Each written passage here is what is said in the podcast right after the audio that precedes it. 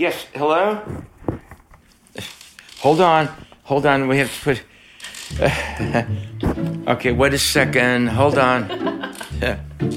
Can you hear me? Det här är Chris Marcos. Han är fotograf och konstnär och bor på Manhattan. Han är lite av en New York-profil. Han kom till stan på 70-talet. I mean, I was a fucking interesting person, you know, and people wanted to be around me, you know. I mean, really. I came to New York um, in the early 70s. I was this uh, very handsome, long haired, blonde, blue eyed kid from Southern California. Som ung konstnär i New York lärde han känna Andy Warhol. En man som på många sätt skulle komma att förändra hela hans liv. But um, at the studio right now, it's quite historical because there, this is very close to 860 Broadway, which is where Andy Warhol had his factory. Warhol had four factories. I was part of the last two factories. Chris Marcos och Andy Warhol gjorde flera samarbeten ihop. Bland annat det där kända fotografiet på Andy Warhol när han är invirad i en amerikansk flagga. Det var Chris Marcos som tog den bilden. So we did a lot of projects. Chris Marcos och Andy Warhol arbetade tillsammans på dagarna på The Factory och på kvällarna bara av till Studio 54 där Andy Warhol var som en magnet. Andy was like, you know the how they talk about like, oh, if you have a really cool car, it's like a chick magnet. Well, Andy was like a celebrity magnet. You know, he wherever he was, people were around. Och det var via Andy Warhol som Chris Marcos började flyga med Concorde. So that's how I found myself on the Concorde uh, through Andy because he said, "Oh, I want you to come to to France. I want you to come to Great Britain with me and just be there." So that's how that happened. I would go over there uh, during Fashion Week in Paris, and during during just before Fashion Week, on the plane you'd find people like Calvin Klein. Uh, you'd find all the the the top editors of Vogue and stuff, and people would actually walk around and talk a little bit, just either before the meal service or afterwards. Chris Marcos har ett tips som han ofta ger till andra människor. Ett tips som helt ärligt, för de allra flesta är helt oanvändbart, men som ändå säger något om hans inställning till livet. I always tell people if you can afford it, don't buy economy tickets. Buy business class or first class tickets because you meet a very different crowd up front. You know, I, I, I, it's not a snobbish thing. It's just the people that have reached some sort of success. And I don't mean just financial. Often, I mean, I, I never could afford the Concorde because it was like $12,000 round trip, which was so much money. But I, I found myself in a circle of friends in a situation where I found myself on the Concorde because those people flew around on that. And so, you know, if you can find friends that want to take you on a trip or do something and it's going to be in business or first do it because you you meet different people and if your eyes are wide open you can have conversations. Helt enkelt, flyg inte ekonomiklass. Flyg business. Eller ännu bättre, flyg Concorde. Som han gjorde. It's like flying on the Concorde was just like the ultimate ticket at Disneyland. Concorde är planet för det där lilla översta skiktet i samhället som har råd att betala mycket för att eh, spara tid. Concorde kan åka så snabbt över Atlanten att det landar innan det lyfte. Alltså med tidsskillnaden. Du kan lämna London sju på morgonen och komma fram strax innan sju i New York. Du färdas i Mach 2, vilket betyder två gånger ljudets hastighet. Och resan sker på 18 000 meter, vilket är betydligt högre än vanliga passagerarplan. Det är så högt upp att det beskrivs som att man är på gränsen till rymden. Just the looking out the windows was just so super cool to to see the planet Earth, you know. And actually you you pretty much like when you looked out your window, you you looked down of course, but you looked up and when you looked up it was like black because you're right at the edge of the Earth's atmosphere. Chris Marcos beskriver den här tiden under 70 80-talet att Concorde var som en liten extremt exklusiv klubb. Högt uppe i luften. it was just like an experience beyond beyond well that kind of chic exclusivity did come to an end when they stopped using the concorde Under en liten kort tid i slutet av 1900-talet var världen mindre. Atlanten gick att korsa på tre timmar och alla trodde att det var så här det skulle vara i framtiden. Because this is the year of the jet. The year that Paris is as close as Hollywood. In a jet age, Paris is no longer something to dream about. Paris is next door. Men varför gick vi egentligen tillbaka i tiden? Vad hände med Concorde? Och vad hände den där dagen i Paris år 2000? Från Year Studio. Det här är Concordes uppgång och fall. Ett Concordeplan med ett hundratal passagerare på väg mot New York störtade för en stund sedan utanför Paris. Det var ju liksom prestigeobjektet nummer ett. Jag heter Love Lyssarides och du lyssnar på det andra avsnittet. Vi är tillbaka här igen snart med ett nytt program. Men ni som prenumererar kan redan nu lyssna på våra andra program. För att bli prenumerant, gå till Apple Podcaster eller gå in på thirdyearstudio.com.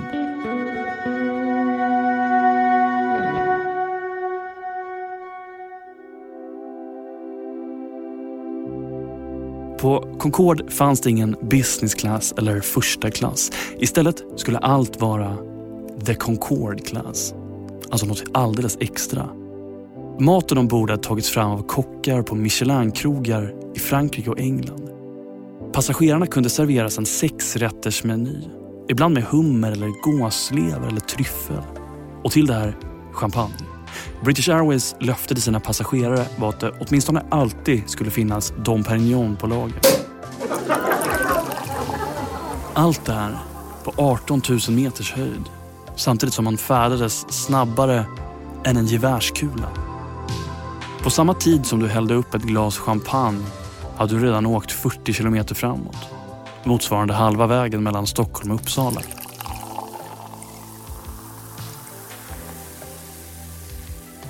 there were two ways to fly the Concorde either British Airways or Air France. Hela upplevelsen från start till slut skulle vara något alldeles extra.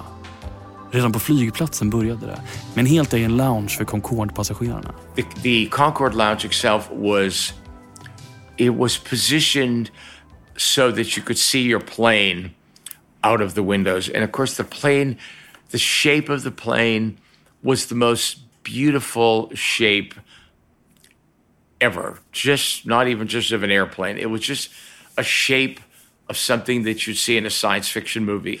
And then, of course, when it was time to board the plane, it the plane was really the size of a DC 9 airplane, jet plane. Um, you kind of had to duck down to get into it. It was a small cabin. It had 50 seats in the front of the plane and then 50 seats from the, I say the, there was a middle. It was 50 in the front and then there was a middle and then 50 in the back. And although it was all one class, which was Concorde class, it, um, everybody wanted to sit in row one. Quite a quick flight time today, 3 hours and 15 minutes. And by the end of our supersonic cruise, we'll be up to about 58,000. När det blir dags att lyfta förklarar kaptenen hur det ska gå till.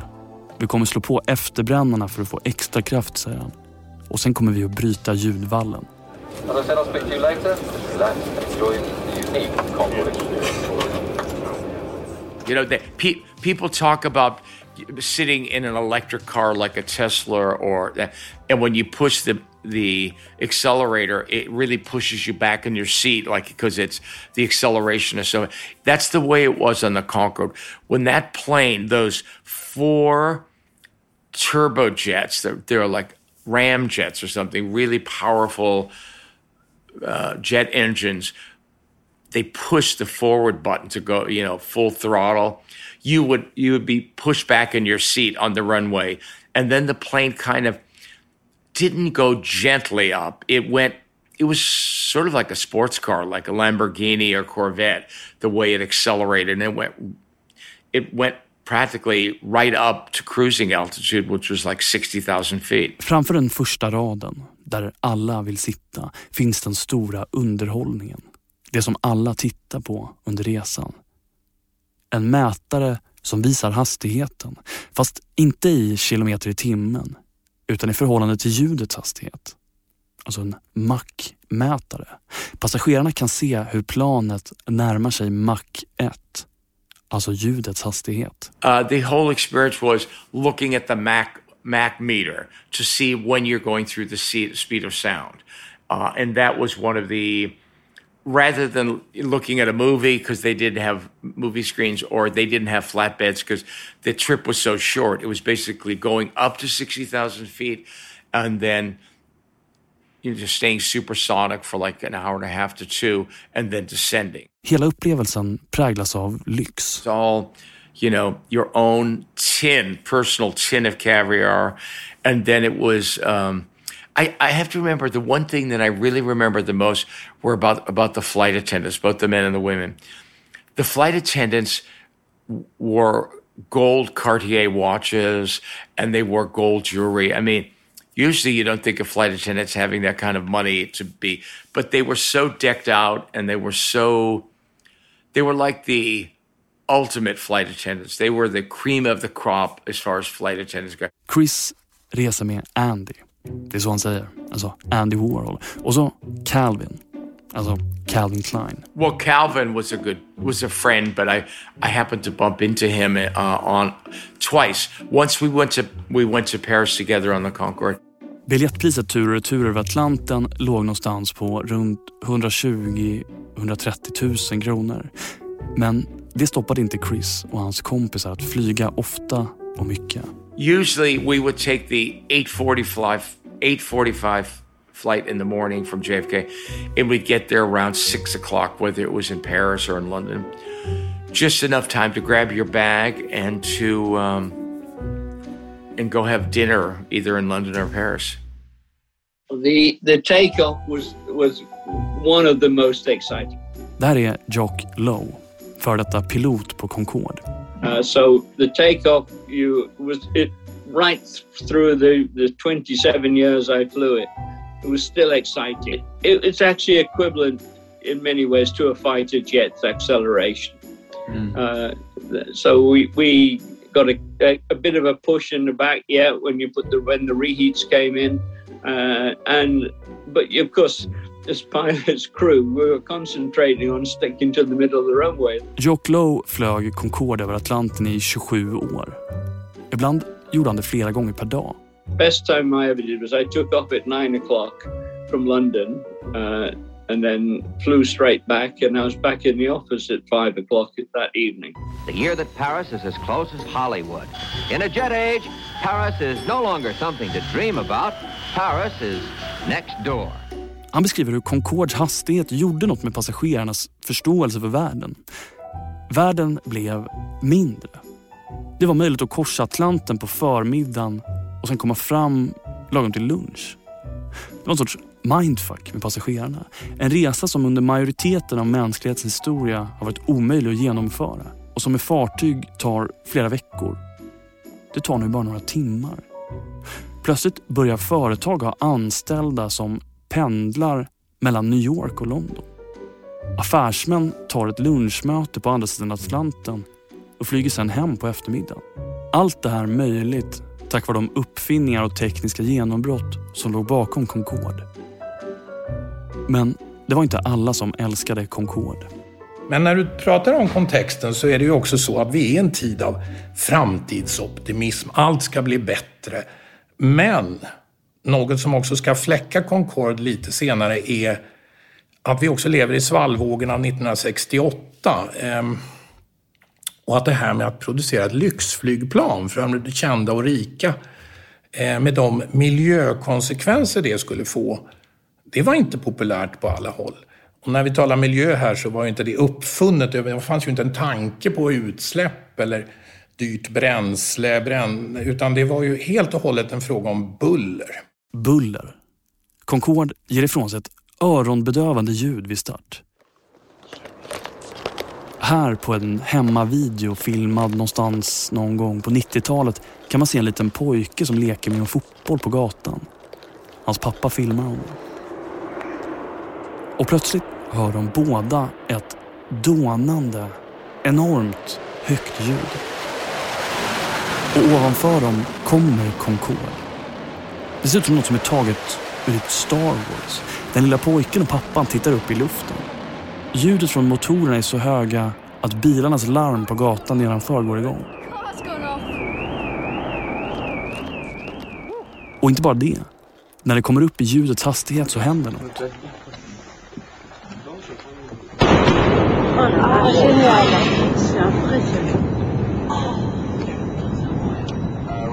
En så kallad sonic boom. En ljudbang. En tryckvåg skapas kring det föremål som färdas fortare än ljudet och det uppfattas på marken som en ljudbang. Och det, här är ju, det här är ju väldigt eh, flummigt liksom, hur det här uppstår men jag tänkte att man skulle kunna förklara det så här. Tänk dig att du står och kastar dart. Du är ett flygplan nu eh, och dartpilarna som du kastar får nu representera ljudet som du ger ifrån dig.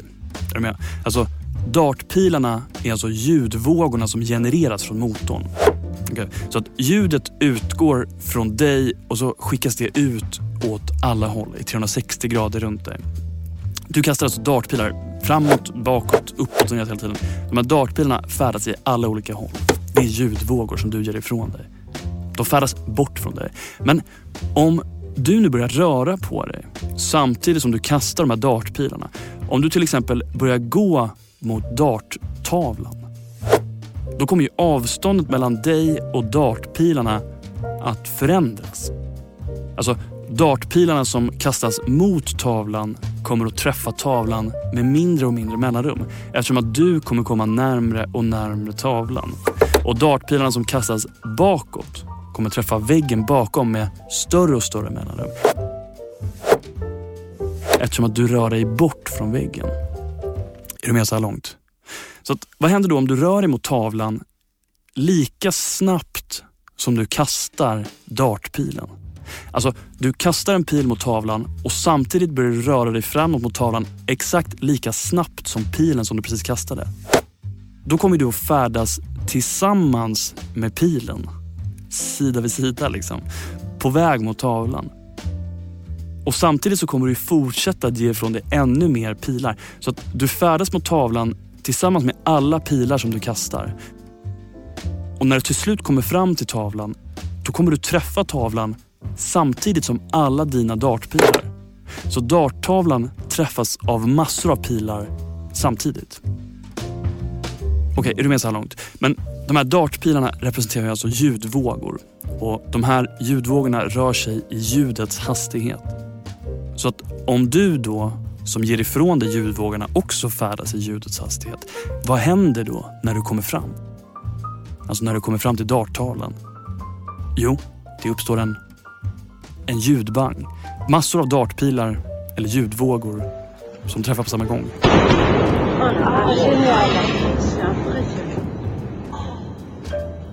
Det här är en ljudbang. Här är Jan Olsson igen. Miljörörelsen var ju sin linda, men man ska komma ihåg att just det är ganska intressant att ingen vände sig mot det enorma bränsleslöseriet eller de enorma utsläpp som de här flygplanen gjorde. Det var bara ljudet. Och folk var rädda för det här. Det sades att den kraftiga ljudbangen skulle slå sönder alla Storbritanniens kyrkfönster när Concorde flög över. Och dessutom skulle djuren skadas av det. Det sades att katter kunde bli galna av upprepade ljudbangar. Det skulle skrämma djur, det skulle skrämma människor, väcka folk om natten. Ehm, det skulle kunna ha hälsokonsekvenser, men man blev ju miljörörelsen då, i synnerhet i USA, så pass mäktig och ehm, innan ens premiärflygningen så hade man ju insett att det här var en rejäl effekt av det här ljudet. Så det slutade ju med att Concorde skulle aldrig få landa i New York. Och man insåg att bullret var så mycket så att den skulle endast få flyga överljudshastighet över hav. Concorde tvingas alltså flyga långsamt över land för att inte bryta ljudvallen. Men planets deltavingar är ju byggda för hög hastighet så den långsamma flygningen blir en plågsam upplevelse för passagerarna. Men eh, vid en start vid London så får den inte sätta upp överljudsfarten förrän, och höja nosen då förrän eh, han är över eh, på irländska Atlantkusten. Så det betyder ju en dryg halvtimmes flygning i något som var Ja, inte, jag gillade ju flyg så det var ju ingen skräckupplevelse, men något så skakigt. Det var som att stå framför en rashäst i sin spilta som ständigt sparkar på trädörren eller någonting sånt. Va? Det, det skramlade, det eh, hoppade, det, och dessutom var det ju regnskurar då. Så att eh, det kändes eh, inte särskilt säkert om man så säger. Va? Den uppförde sig verkligen som en skrothög, som om den skulle falla ihop i bitar. Va? En annan stor utmaning med att flyga i två gånger ljudets hastighet är värmen. One of the interesting and challenging parts of, the, of flying at twice the speed of sound is that you compress the air as you're going through it. När Concorde åker framåt i den snabba hastigheten så trycks luften ihop framför den och då bildas värme. Som varmast kunde flygplanets nos bli 127 grader och flygplanskroppen omkring 100. Well, it would go up to it would just keep going above 100 degrees centigrade. You, you wouldn't, you couldn't fly it. I mean, it couldn't be done. Mm. So either you put spacesuits on and cool the spacesuits. That would be a bit tricky for 100 passengers. Um, Om man inte hade löst det här hade passagerarna inne i Concorde brunnit upp eller dött av värmen.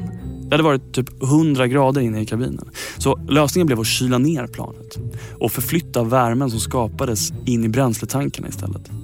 Men den kraftiga värmen gjorde också att Concorde, som var byggd i aluminium, började expandera. När planet gick i överljudsfart var det nästan 25 centimeter längre än när det flög långsammare. I cockpiten fanns en särskild hylla som stod längs med väggen. Och när planet stod på marken så stod hyllan precis tätt emot väggen. Men när planet kom upp över en viss hastighet och värme skapades så blev det ett litet mellanrum mellan hyllan och väggen eftersom att planet expanderade. Och det här gjorde att man kunde lämna små hemliga lappar i det där lilla utrymmet mellan hyllan och väggen. Som små hemliga överljudslappar. Och sen när man kom ner på marken igen så bara krympte planet ihop igen och den lilla glipan försvann. Det är sådana här saker som gör att Jock Lowe, kaptenen, älskar Concorde. Well, the Concorde is just just a, a, wonderful machine, and if it came out today, it would still look as if it was the most modern, futuristic machine. Han får någonting i blicken när han tänker tillbaka på Concorde. Uh, so it was a great experience. It never never ceased to uh, to give me a thrill. It, it changed my life in a way. Men Concorde hade flera problem. Det var inte bara ljudet, bullret som stod i vägen för Concordes framfart. Planet konsumerade extrema mängder bränsle. Och i takt med att bränslepriserna steg började det bli allt svårare att tjäna pengar på resorna. Well, we um, the Concorde was losing money. We were faced with the task of trying to make it profitable. British Airways och Air France behöver börja dra ner på sina kostnader och framförallt få in mer pengar. Jock Lowe börjar efter ett tag arbeta med att omstrukturera Concorde för att driva in pengar. Och han börjar med att titta på klientelet som använder flygplanet. Chairman, members. Han inser snart något om Concordes resenärer. Because these people that were traveling on Concorde, they didn't know what the fare was. De som reser med Concorde bokar nästan aldrig flygbiljetterna själva. De vet inte vad det kostar. Och när British Airways gör en undersökning och frågar passagerarna vad de tror att en resa med Concorde kostar så visar det sig att de allra flesta tror att det är mycket dyrare än vad det egentligen är. So we did some research. They didn't know what the fare was. They all thought it was higher than it actually was. So rather than try and tell them, advertise to say it's actually not as expensive as you think it is, we just put the fares up. Uh, we increased the cost per ticket. And amazingly, for the first few years of doing that, the number of people traveling went up, not down. You know, the luxury effect. Oh, I can afford to be on Concorde. Men det kraftiga ljudet av ljudbangen har gjort att Concorde inte får flygas över en stor del av jordens yta. Concorde är begränsad till att flyga över hav. Men den klarar inte att flyga hela vägen över Stilla havet. Vilket var en obegriplig eh, miss, så att säga. Jan Olsson igen. Och det var en otroligt viktig intäktskälla, trafiken mellan USA och till exempel Japan, Korea och så vidare. Och eh, det, Singapore, det hade ju varit någonting som hade varit perfekt. Men då skulle man behövt mellanlanda en gång. Och mellanlandar man med den här en gång, då flyger ju en jumbo i fatt och om. Så att då upphör hela den här vinsten. Innan man hinner ladda om den här Concorden på marken så har en Boeing 747 Jumbo flugit om och kommer före till målet. Sakta men säkert börjar kritiker också ifrågasätta rimligheten i att en liten grupp väldigt rika människor ska ha möjlighet att göra den här typen av extrema resor som innebär extrema utsläpp. Det kommer fram att Concorde förbrukar drygt ett ton bränsle bara för att ta sig ut från gaten till landningsbanan. Och när pressen får reda på att Concorde vid vissa tillfällen har lyft med noll passagerare och flugit hela vägen till Bahrain för att hämta upp endast sex passagerare och flyga tillbaka så får flygbolagen kritik. Concorde blir liksom en leksak för världens absolut rikaste. Kongos president Mobutu chartrar Concorde själv på 80-talet för att åka och shoppa i Paris över dagen. Jag menar, det ser inget bra ut. Och det slutade så småningom med att Concorde Alltså, de hade lite tur. 80-talet innebar en låg högkonjunktur. Det var då alla de här med klippkort och det var verkligen status att flyga den här även för politiker och så. Um, men mot slutet av karriären, när förlusterna ökade, um, Underhållskostnaderna ökade också med 72 procent de sista åren. Bränslepriset hade slagit i taket och planen gick halvfulla. Ehm, och då kom man på att man skulle flyga charter, Eh, så att säga. Och det var för de också naturligtvis rika. De som ville se pyramiderna på en dag och hem. Eller han gjorde otroliga många resor till Rovaniemi för besök hos tomten med rika barn. Ehm, förmodar jag att de var rika. för biljetterna var inte billiga. Man kunde flyga jorden runt för 200 000 ehm, med sex eller sju stopp. Ehm, ehm, och man flög eh, till olika kryssningsfartyg i Västindien då. Redan på 80-talet är det mycket som pekar på att Concorde inte är kommersiellt gångbar. Och i efterhand ska det talas om något som kallas för the Concorde fallacy. Eller mer känt som the sunk cost fallacy. Det är en psykologisk förklaringsmodell som syftar till att förstå varför människor och företag tar irrationella beslut. Sunk cost fallacy beskriver människors tendens att inte avsluta projekt som bevisligen går dåligt eftersom man redan har investerat sådana stora mängder tid och pengar i projektet. Det här trots att det skulle vara mer förmånligt att bara skrota alltihop. Vi har faktiskt pratat om det här tidigare en gång i den här podden i programmet Mardrömmen medeltidens värld som släpptes i höstas. Där pratade vi om nöjesparken i Götene medeltidens värld som kostade kommunen uppemot 100 miljoner kronor och blev ett fullkomligt fiasko. I programmet berättade kritiker till projektet just hur man fortsatte ösa in pengar i det. Trots att alla egentligen innerst inne visste att det var dömt att misslyckas. Ett annat sätt att beskriva sunk cost fallacy är så här. Säg att du har köpt en biljett till en konsert för 1000 kronor. När dagen är kommen för konserten så känner du dig plötsligt lite sjuk det börjar regna. Och du får höra att det är lång kö att komma in till konserten också. Och dessutom, om du går så finns det en risk att du blir ännu sjukare.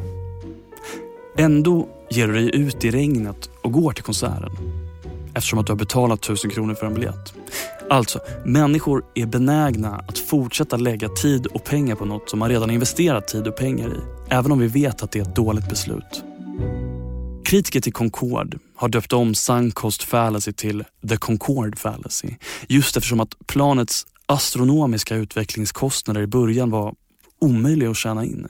Och trots det fortsatte planet att flyga i flera år som ett förlustprojekt. Ingenting tycktes kunna stoppa Concorde. Men så kom en krasch och ett nytt krig. Efter det här. En tidig eftermiddag den 25 juli år 2000 börjar flight 4590, en Concorde tillhörande Air France, göra sig redo för att lyfta. Det var fullsatt Eh, med tyska turister som skulle ta ett kryssningsfartyg. Planet är chartrat och har 96 tyska turister och två danskar ombord. De ska åka på sin livsresa. Concorden skulle ta dem i överljudsfart över Atlanten till New York där de sen skulle gå på ett kryssningsfartyg som skulle ta dem på en 16 dagars kryssning ner till Ecuador. Klockan 16.35 börjar planet lämna gaten och röra sig mot startbanan. Planet är tankat med 95 ton bränsle, så det är tungt. Och det ska långt senare komma fram att det också är överlastat. Passagerarna har tagit med sig för mycket bagage. 16.42 påbörjar planet sin start. Och nu inleds en serie händelser och sammanträffanden som ska komma att få katastrofala konsekvenser. Dels eh, var planet överlastat därför att kryssningspassagerarna ville naturligtvis ha mycket mer bagage med sig så de hade 800 kilo för mycket last. Eh, vilket skulle göra lyftsträckan lite längre. När man väl taxade ut var man försenade. Eh, och dessutom skulle den franske presidenten landa efter en stund efter den här hade startat. Det skapade nu en komplikation för kaptenen ville väldigt gärna komma iväg, han var ju sen. Han insåg att det här presidentplanet skulle försena operationen väldigt mycket. Så det ville man inte göra. Därför kom han ut på fel ända av banan för att vinden var svag, men skiftade. Så egentligen lyfte han i medvind nu. Planet börjar röra sig klockan 16.42 och efter det går allting fort. Bara 120 sekunder senare kommer allt att vara över. Men för att förstå vad som hände måste vi backa några minuter. Precis innan Concorde flight 4590 ger sig ut på startbanan har en DC-10 från Continental Airlines lyft. Och av någon anledning har en liten, cirka 40 centimeter lång metallbit ramlat av det flygplanet. Mycket liten titanbit på landningsbanan. Den är inte större än en sko och bara någon centimeter smal. Men den ligger där på startbanan framför Concorde flight 4590. Fast inte precis framför Concorden utan lite, lite till vänster. Vilket gör att Concorde flight 4590 kommer att åka precis förbi den lilla titanbiten. Om Concorden bara håller sig rakt på startbanan så kommer hjulet att passera titanbiten utan problem. 16.42 börjar Concorde flight 4590 åka ner för startbanan. 24 sekunder efter slås efterbrännkammarna på. Inne i planet kan de 100 passagerarna känna hur det trycker till. Hur de trycks bak i sina stolar. Den berömda känslan av en Concorde-start. Sex sekunder senare har planet uppnått det som kallas för V1. Alltså den förutbestämda hastigheten som man inte backar ifrån. Om något händer efter V1 är det för sent att stanna. Då lyfter man istället och försöker att landa planet. Dessutom hade Concorden ett tekniskt fel den här dagen. Det var en liten bult som skulle hålla noshjulet, det pampiga stora, stora noshjulet, på exakt rätt kurs på mittlinjen av banan. Men bulten hade brustit så att planet skevade. Planet börjar kränga åt vänster. Han skulle alltså ha lyft långt tidigare och rakt på banan. Men överlasten och, mot och eh, medvinden gjorde att han, behövde, han var på en plats där han överhuvudtaget inte skulle ha varit. Och där låg titanbiten. 16.43.09 hörs det ett ljud i cockpiten. Planet kör i 178 knop, alltså 329 kilometer i timmen. Alltså för snabbt för att avbryta starten. Planet måste upp i luften. Planet har svängt ut åt vänster och då kört över titanbiten. Och därifrån går allting fort. Titanbiten slår sönder däcket och en bit av däcket kastas upp i deltavingen precis där en av bränsletankarna finns. Det skapas en kraftig tryckvåg i bränsletanken och det börjar spruta bränsle. Det här skapar en häftig eld i de vänstra motorerna. Planet fortsätter att kränga åt vänster och kaptenerna försöker kompensera genom att styra det tillbaka. Två sekunder senare har båda motorerna på vänster sida lagt av. Men det är för sent att stanna planet. Nu har brandlarmet utlösts i cockpiten. Flygledartornet på Charles de Gaulle kan nu se hur Concorden lämnar banan med ett stort eldmål bakom sig. Han anropar piloten och säger att han ser kraftiga flammor bakom planet. Och eh, nu brann ju motorerna och eh, vingen började smälta visade det sig efteråt. Inne i cockpiten går brandlarmet. Piloten försöker lyfta upp planet men får inte tillräckligt med fart. Planet tappar höjd.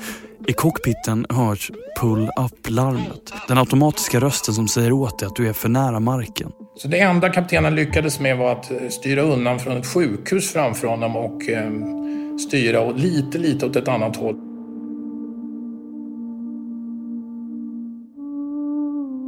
Was at work and I just sort of happened to log on and I was sort of just keeping an eye on one or two of the Concorde sites. And I think somebody in the office said, Oh my God, Concorde's crashed. And I looked on the, I think, BBC News site and saw the information on there.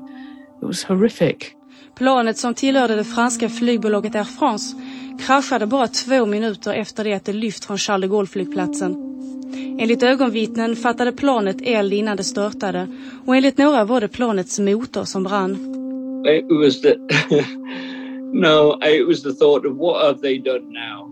You know, because to in order for a Concorde to crash, there had to be a lot of errors built in there somewhere, uh, and so the, so the first thought was, oh goodness, what have they done? Bara. Jag ser otroligt personal som är här. Mycket. Samtliga hundra passagerare och nio Air France-medarbetare omkommer i kraschen. Flygplanet kraschar på ett hotell där fyra personer omkommer. Eh, men eh, det, här är det då väldigt kaotiskt. Här är man inne i det, det intensivaste räddningsskedet just nu.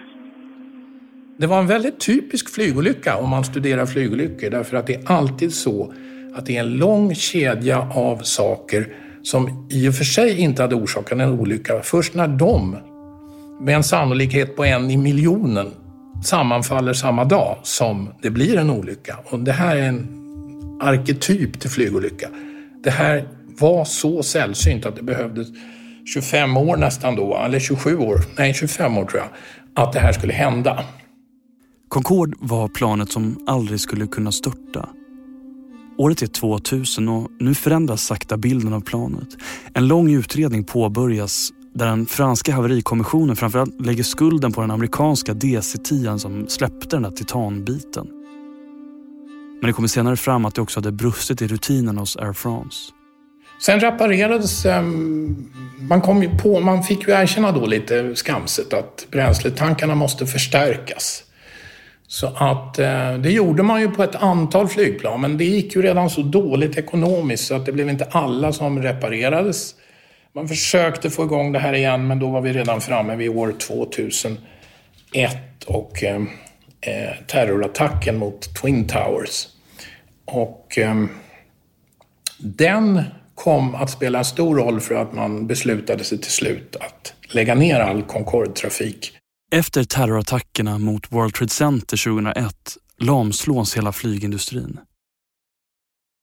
Och det är nästan ingen som vill flyga Concorde.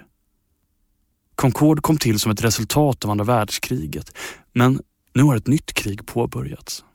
Och det är också det som ska bidra till att Concorde år 2003 sätts ur trafik. I oktober 2003 gör Concorde sin sista flygning mellan New York och London.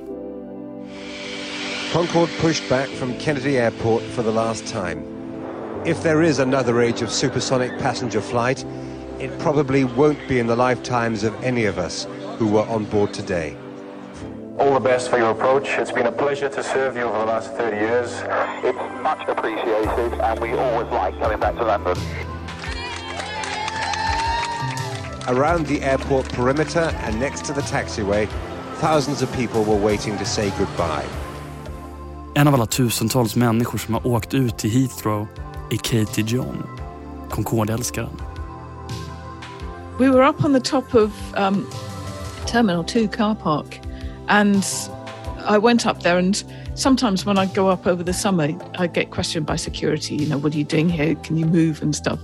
But this on this day security couldn't do anything because there were just so many of us. The whole of the roof of each car park was full. And even, you know, those sort of high places on the control towers and places, every high spot, every roof of every building was just crowded with people waiting to see Concorde. And all the surround, the sort of fences surrounding the airport, there were people all around there as well. And the, um, the airport authorities had told people to stay away, but there were just so many. Nobody was going to give up the chance to see Concorde for the last time. And I just remember seeing this wonderful shape in the sky. And, you know, it was lovely. And I didn't think that was the last time I would ever see a Concorde in the sky. And then the three of them came in and it was just beautiful to see them. Katie John och hennes Concorde-vänner protesterar mot beslutet att lägga ner Concorde. It was a sad feeling because all through that summer there were all sorts of people writing letters to the press, to MPs, to the airlines. And we thought somebody, somebody somewhere was going to stop this. Katie går med i en förening som heter The Save Concord Group.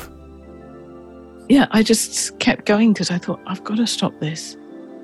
I mean, what, because if you, could you try and explain why it matters, why it, it is something that we should care about? That why why was it important to save Concord, and why, why did you want it to keep going?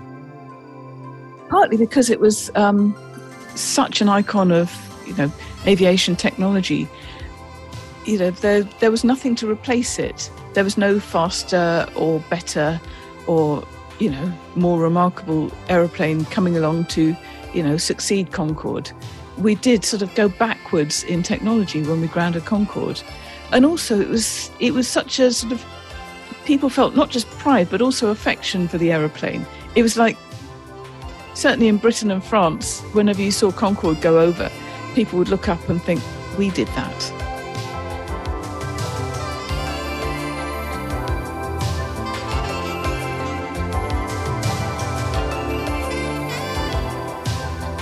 Av alla Concorde-anekdoter som finns om specialpizzor och bröllopsklänningar och dyra champagner och lyxmat så har Katie sin egen favorit.